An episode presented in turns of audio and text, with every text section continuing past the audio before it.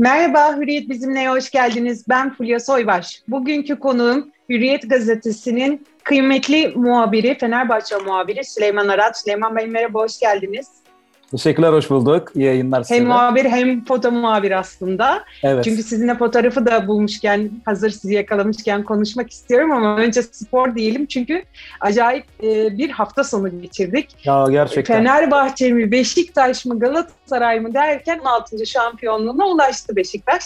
Şimdi e, tabii işi tabi son haftaya kadar bıraktıkları için hepimiz neredeyse kalpten gidecektik. Sizin için nasıl bir hafta sonu oldu? Önce onu sorarak başlamak isterim. Valla bu yaşıma kadar hiç böyle bir hafta sonu geçirmedim gerçekten. ee, yani e, kalpten gidebilirdim. Bir daha olur mu bilemiyorum yani. Gel son saniyeye kadar şampiyonun kim evet. olacağı belli değildi. Bir gol yese bir tanesi e, otomatikman diğeri şampiyon olacaktı. Öyle bir e, grafik söz konusuydu.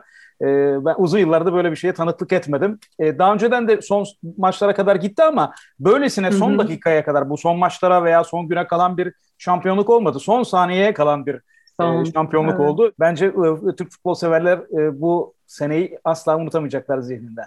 Kaçıranlar da kazananlar da.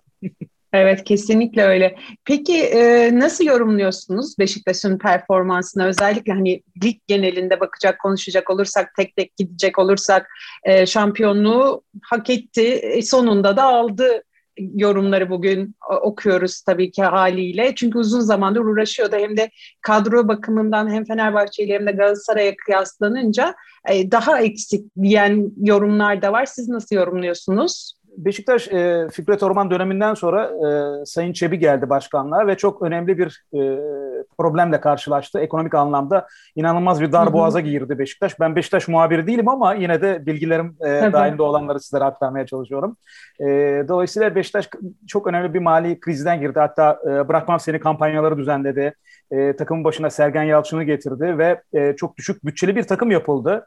E, diğer takımlarla kıyasladığın zaman özellikle hatta Trabzon'la bile e, kıyaslarsan Beş, e, Beşiktaş e, son derece hı hı. E, zayıf bir kadro kurdu ve kimsenin şampiyonluk adayı değildi sezon başlarken. Nitekim e, Avrupa Kupalarında çok kötü başladı. PAOK'a elenerek bir e, Beşiktaşlı taraftarlar arasında küçük çaplı bir e, isyan başladı. Sergen Yalçın bu işi yürütemeyecek bu kadro e, kötü işte bize e, evet doğru e, kötü oyuncuları getirdi diye. Ama e, Sergen Yalçın futbolculuk dönemindeki karizması e, aynı zamanda o televizyondaki e, karizmatik ekran yüzü e, kulübede de ortaya çıktı ve çok başarılı bir sezon geçirdi. Futbolcularla çok iyi arkadaş oldu. E, kendi iyi oyunculuğunu onlara da ikna etti. Dolayısıyla e, sahadaki futbolcu kenardaki teknik adamına inanırsa e, ve severse onun için her şeyi yapar. Bir de primler çok günüde yatırıldığını duydum ki ben bunu Fenerbahçeli futbolculardan duydum. Çok ilginçtir. Dediler ki Sergen Yalçın bir tek şey istemiş e, takımdan, başkandan. E, futbolcular paraları gününde yatırıldığı zaman iyi oynar. Onun için hı hı. primlerini ve alacaklarını anında yatırmanızı rica ediyorum sizden demiş Sayın Başkan demiş. Çebi de bunu e, e uygulamış. Her gece maç kazanıldığının akşamı saat 12'de futbolcuların paraları yatırılmış. Yani 12 ding diye bir ses geliyor ve bakıyorsunuz cep telefonunuzda paranız yatmış. Çok mutluluk verici bir olay tabii futbolcular açısından kendini güvende hissetmek, e, gününde paranı almak. Her meslek grubu için çok önemli tabii ama futbolcular için biraz daha önemli. Ve, hele de böyle bir dönemde. Tabii hele ki böyle bir dönemde çok daha önem arz ediyor. Ve Beşiktaş bu e, mutluluğunu sahaya yansıttı. Keyif alarak oynadı futbolcular. Çok dar bir kadroyla. Mesela son Galatasaray maçını e, düşünüyorum e, Galatasaray'ın yedeklerinden bile yeni bir takım çıkabilecek bir kadrosu varken Beşiktaş'ın e, kulübesinde 3 e, tane oyuncu vardı. E, her maçta son 10 maçtır e, hamle oyuncusu olarak Necip giriyor Beşiktaş'tan e, sahaya. Hı hı. E, yani o da e, oldukça yaşlandı artık. E, Atiba öyle. E, bu kadar sıkışık bir maç trafiğini kaldıramayacak diye düşünüldü ama işte o arkadaşlık, o dostluk, o sevgi bağı e, başarıya götürdü Beşiktaş'ı. Yoksa futbolcu dokusuna baktığın zaman bence bu dört büyüklerin içinde en kötü e, takım Beşiktaş. Ama en iyi sonuçları alan da Beşiktaş oldu. Bu aslında diğer başkanlara, diğer teknik adamlara çok önemli bir mesaj. Yani bu sevgi bağını, ekonomik e, ferahlığı, e, ta, maçtan zevk almayı, yapılan işten keyif almayı e, başarırsanız başarının da kendi kendine geleceğini gösteren bir e, durum oluştu. Dolayısıyla Sergen Yalçın yılın teknik adamı. E, evet. Beşiktaş yılın takımı. E, ne bileyim asistler konusunda Gezal yılın en iyi asist yapan oyuncusu. E, golcüleri Larin ve Abu Bakar en çok gol atan e, oyuncu durumunda. Dolayısıyla şu beğenmediğimiz kadro sezonun başında e, herkesin soru işaretleriyle baktığı bu kadro en beğenilen oyuncularla, en beğenilen teknik adamla sezonu tamamladı. Çok ilginç gerçekten. Gelelim Fenerbahçe'ye tabii aslında sizinle Fenerbahçe'yi de konuşmak evet. lazım. Kaybedenler Kulübü başlıklı yazınızı da okuduk. Ee, ne oldu? Ne yanlış gitti Fenerbahçe'de? Neden olmuyor birkaç dönemdir? Yani ne yanlış yapıyor? Ne eksik yapılıyor? Yani Fenerbahçe deyince hep Fazıl Sayın o delirme videoları geliyor aklıma. e, dün de hem taraftardan da büyük tepki vardı tabii. Yani hani özellikle sosyal medyada inanılmaz bir tepki vardı. Nerede yanlış yapılıyor Fenerbahçe konusunda? Yani kadro konusunda mı başka bir şey mi? onu bilebilsem ah, ah onu bilebilsem yönetime direkt söylerim vallahi ama gerçekten şimdi fikir bazında tabii ki hepimizin fikri tabii. var. Neticede tabii, kulübe tabii. yakına olan insanlarız. E, aşağı yukarı 20 seneye yaklaşan bir zaman dilimi içinde Fenerbahçe'yi adım adım tabii. takip ettim. Tüm antrenmanların, tüm kamplarını, yurt içi yurt dışı tüm maçlarını hepsini izledim. Sadece bu sene pandemi nedeniyle gazetemiz bizleri koruma amacıyla göndermedi bu seneki deplasman maçlarına. Ee, evet. Bu arada yöneticilerimize teşekkür ediyoruz. Bizim sağlığımızı düşündüler. Evden takip ettik maçları. Ama önümüzdeki yıldan itibaren normal görevimize döneceğimizi düşünüyorum. Ee, Umarım. Dolayısıyla e, Fenerbahçe'yi çok yakından tanıdığımı söyleyebilirim. Dolayısıyla burada da kendi fikirlerim var ama ne derece e, dikkate alınır, ne derece e, taraftarlar tarafından veya yöneticiler tarafından doğru bulunur bilemiyorum ama ben böyle teknik direktör e, değişiklikleriyle bu sorunlara çözüm bulunacağı görüşünde olan bir gazeteci değilim. E, yani işte gördük e, Pereira gitti, onun yerine şu evet. geldi, o gitti, bu geldi. E, sürekli bir teknik direktör enflasyonu yaşanıyor. Ersun Yanal gitti, Erol Bulut geldi. Erol Bulut gitti. Emre Belezoğlu geldi. E şimdi bunu göndereceksin. Löw getireceksin. O da olmayabilir. Veyahut da ne bileyim Löw hmm. gelir mi gelmez mi onu bilemem de e, Fenerbahçelilerin gönlünde yatan birinci sıradaki teknik adam şu an Joachim Löw e, biliyorsunuz. Dolayısıyla Fenerbahçe sabretmeyi bilmeli öncelikle ve aksayan yönlerini düzeltmeyi bilmeli. Ne atıyor derseniz Fenerbahçe'de bence Samandıra'da mutluluk yok. Demin bahsettik ya Beşiktaş'ın başarısında. Hmm. Yani futbolcular çok zeki insanlar. Yani pratik zekaları çok fazla. E zaten akıllı bir insan top e, mutlaka e, eğitimli olmayabilir belki ama e, zeka anlamında çok hepsi üst düzey noktada olan gençler. E, zehir gibiler, lep demeden leblebiyi anlıyorlar. Dolayısıyla da e, kendilerini rahat, özgür, özgüvenleri yüksek hissetmeleri lazım. Tedirgin olurlarsa o buna bunu söyledi mi? O içeriye bunu aktardı mı? Acaba hmm. ben bu hafta var mıyım yok muyum? Bu tedirginlikler sahaya keyifsiz ya olumsuz yansıyor ve takım mutsuzlukla beslenen her şeyde olduğu gibi, her meslek grubunda olduğu gibi sonuçta iyiye doğru akmıyor. İşte Beşiktaş'ta dedik kötü kadro mutlulukla, paralar gününde yatarak, arkadaşlıkla, şakalaşarak e, böyle bir kadro bile başarıya geldi. Öyle oysa Fenerbahçe'ye bakıyorsunuz. Ya Şampiyonlar Ligi gibi resmen gerçekten her oyuncusu birbirinden değerli, birbirinden kaliteli. Yani inanılmaz bir ekibi var ama işte yağ var, un var, şeker var, helva, yapıl helva yapılamıyor misali bir türlü başarıya ulaşılamıyor. Her sene o hep bu sene o sene mi diye başlanıyor lige ama bir evet. türlü olmuyor. Bu sene de olmadı. Önümüzdeki sene olur mu bilemiyorum. O Samandıra'daki mutluluğu, huzuru nasıl sağlar Fenerbahçe? Çok zor bir soru bu gerçekten. Bunun cevabını bulmak çok zor. Bence Ali Koç yönetimi ilk geldiğinde bunu sağlayamadı. Yani ilk geldiğinde yanlış yaptı. Ee, hı hı. O yanlış adam getirdi Samandıra'ya. Orada bir e, dedikodu mekanizması gibi bir mekanizma kuruldu. Düzeltti daha sonra e, Ali Koç ve yönetimi bunu ama e, biraz sanki işten geçti gibi oldu. Kadroda dağılmalar söz konusu oldu. Yanlış transferler yapıldı. E, başa bela alan futbolcular o, ortaya çıktı. İşte Zanka gibi ondan sonra e, Frey gibi daha bunun gibi 3-4 tane oyuncu var. Bu sene de bunlara Lemos eklendi. Tisserant eklendi. E, hep bunlar e, Samat'ta eklendi. Hep bunlar e, Fenerbahçe'nin başına bela olan futbolcular oldu. E, dolayısıyla Fenerbahçe'nin artık transferde hata payı kalmadı. Nokta e, şey yapması lazım. Atışlar yapması lazım. Belki de en başarılı transfer ataklarını bu senenin devre arasında yaptı Fenerbahçe. İşte Mesut Özil'le, Atilla Savazay ile, e, İrfan Can Kahveci ile. E, bir miktarda o sayıyı da sayabiliriz bunu. O da yani kötü olan değil de iyiye yakın olan transferler arasında e, demek ki istenince oluyor. Yani araştırma yap- yapmak gerekiyor ve e, bir de şunu deneyelim de olmuyor bu iş. İşte Kemal Ademite'nin saymayı unuttuğumuz isimler arasında. E, Allah yer var İran'dan transfer edilen. O da Doğru. başına bela olan oyuncular Fenerbahçe'nin. Uzun kontratlar yapıldı bunlarla. Gönderemiyorlar e, ve e, gönderseler e, çok para vermeleri gerekiyor. E, göndermezsen bir türlü, göndersen bir türlü. Yani çok emin olmadığın oyuncularla bu kadar uzun süreli kontratlar yapmaması gerekiyor Fenerbahçe'nin artık. İyi, iyice emin olduğu oyuncularla, genç ve gelecek vadeden oyuncularla yola çıkması gerekiyor. E bunlar da lafta kolay ama pratikte zor olan şeyler gerçekten.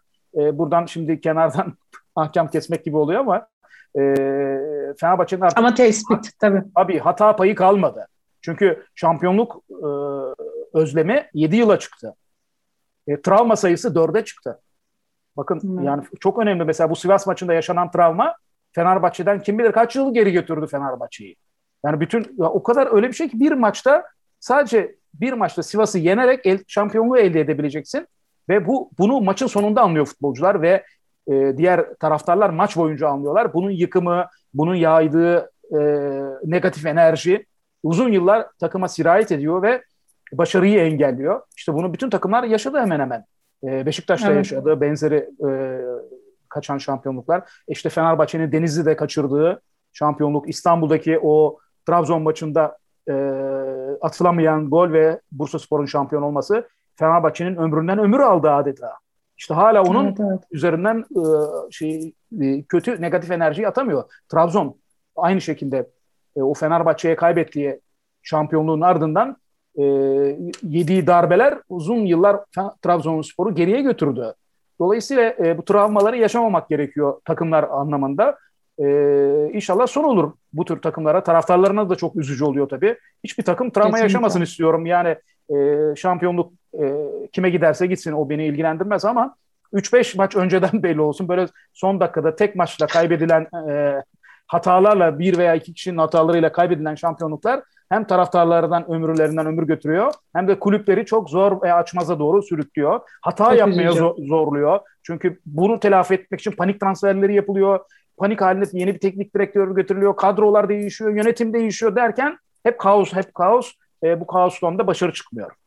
Evet, kaos iyi bir şeye hizmet etmiyor evet. o noktada kesinlikle. Evet. Peki kulüpte hava nasıldı? Hiç hani insanlarla görüşebilme şansınız oldu mu? Bundan sonraki yol rota nasıl belirlenecek Fenerbahçe için? Var mı yakın gelecek bir şey? Bu ay sonunda e, başkanlık seçimi var e, Fenerbahçe'de. Hı hı. O da çok önemli. Bakalım Ali Koç aday olacak hı mı olmayacak mı?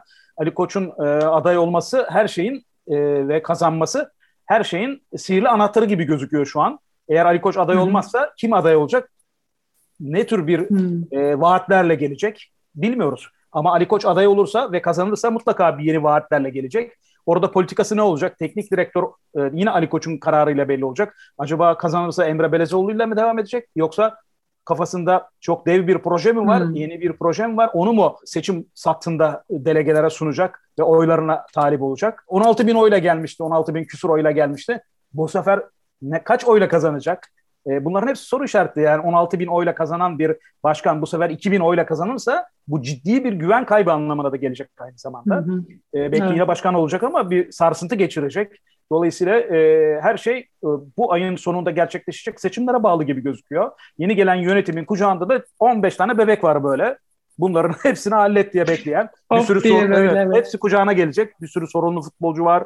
Teknik adam problemi var. İşte yeni transferler var futbolu bırakması veya da devam etmesi gündemde olan Gökhan Gönül gibi oyuncular var. İşte yaşlı oyuncular var. Bunlarla devam edilecek kontratı olsa da yoksa bir yol ayrımına mı girilecek Sosa gibi ne bileyim Sise gibi. Hı hı.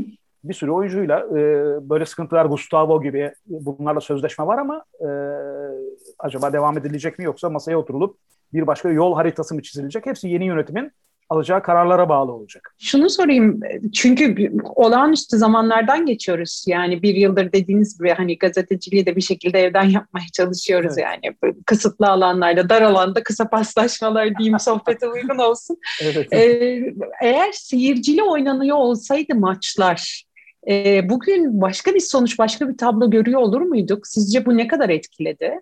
Bence değişmez. Neden diyeceksiniz değişmezdi? Fenerbahçe açısından bakıyorum olaya mesela. Böyle kötü gittiğinde Fenerbahçe Erol Bulut dönemine daha üçüncü maçta mesela Galatasaray maçında fişi çekilirdi Erol Bulut'un. O tribünler inlerdi. Erol Bulut hmm. istifa, hmm. Erol Bulut istifa diye. Hatta Galatasaray yenilgisinden sonra belki de Ali Koç istifa diye bağırabilirdi tribünler. Dolayısıyla Fenerbahçe'nin hmm. bir avantajı olduğu seyircinin olmaması bence bu sene. Çünkü tahammülsüz hmm. seyirci artık haklı olarak 7 yıldır şampiyonluğa evet. hasret kalmış. Ee, uzun yıllardır e, stadyumunda Şampiyonlar Ligi marşını duymuyor Fenerbahçeli taraftarlar. Dolayısıyla e, e, bir ızdırap çemberi haline dönüşmüş durumda. Dolayısıyla e, seyircili olsaydı Fenerbahçe açısından hiç de iyi olmazdı diye düşünüyorum. Dönüyorum Beşiktaş'a bakıyorum. Eğer seyircili olsaydı belki de bence o kara gümrük maçını alır, şampiyonluk maçını son gösteri maçına bırakmayabilirdi diye düşünüyorum. Hmm. Yani e, Beşiktaş'a yarardı diye düşünüyorum taraftar olması. O neticede taraftar olmasa bile sezon Beşiktaş'a yaradığına göre orada da evet. böyle bir şey düşünmek anlamsız hale geliyor. Fenerbahçe açısından bence ta- taraftarın bu sene olmaması yöneticiler ve futbolcular açısından hayırlı oldu diyebilirim. Yoksa vay hallerine. Şampiyonlar Ligi'ne direkt katılabilecek mi takımlar e, ya da Avrupa Ligi'ne? Orada bir değişiklik var mı? Diğer rakip ülkelerimizin alacağı maçlar da önemli tabii. Kendi takımlarımızın elde edeceği başarılar da önemli. Ülke puanı açısından. Milli takımın e, Avrupa Şampiyonası'nda elde edeceği başarılar da önemli. Görünen o ki önümüzdeki yıldan itibaren şampiyonumuz ve ikincimiz ön eleme oynayarak gidecek artık Avrupa'ya, Şampiyonlar Ligi'ne. E, burada en garanti olay Avrupa Ligi kalıyor. Yani Türkiye Kupası'nı Hı-hı. kazanan takım Avrupa Ligi'ne direkt katılacak. Evet. O garanti cepte olan ama onun da karı kazancı düşük olan bir e, Avrupa Ligi biliyorsunuz Şampiyonlar Ligi ile mukayese olmuyor. Biri 20 milyon eurolar civarında bir gelir getirirken evet. öbürü evet. e, 3-4 milyon eurolarda kalıyor. Dolayısıyla e, biz bütün takımların hedefi Şampiyonlar Ligi'ne gitmek. E, bundan sonra biraz aslanın ağzında olacak yani hatta midesinde gibi gözüküyor. Çünkü e, şöyle düşünüyorum ben e, hemen hemen uzun yıllardır hiçbir Türk takımı ön elemeyi geçip Şampiyonlar Ligi'ne yani ikinci Türk takımı ön elemeyi geçip Şampiyonlar Ligi'ne katılamadı.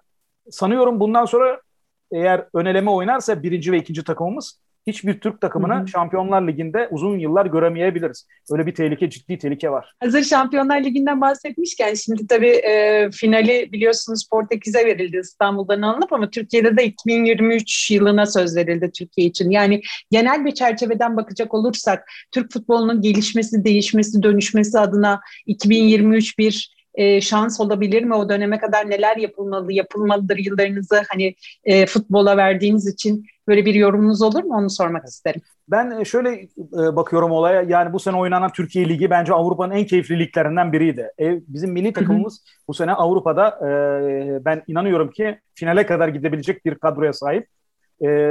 Yani dünyayı yerinden oynatabilir bu yaz Türk futbol açısından çok görkemli bir yıl, yıl olarak geçebilir. Çok görkemli bir yaz olarak geçebilir.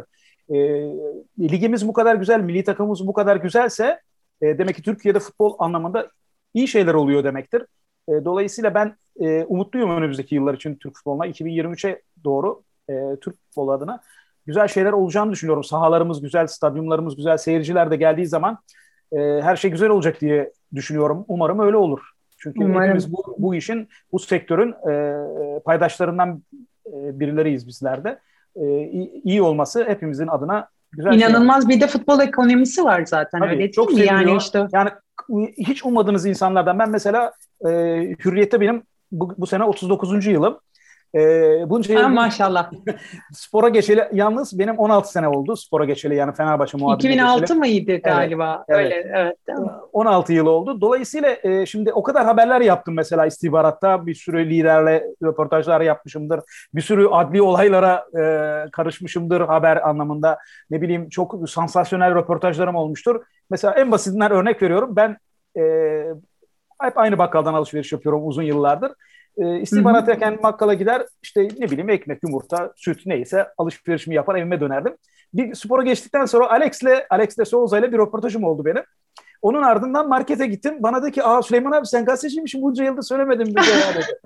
Yani ben Alex röportajını okudum dedi. Yani şunu demek istiyorum. İnsanlar e, spor haberlerini çok daha dikkatli, evet. çok daha titizlikle okuyor hatta yani haberi kimin yaptığına bakıyor, evet, e, evet.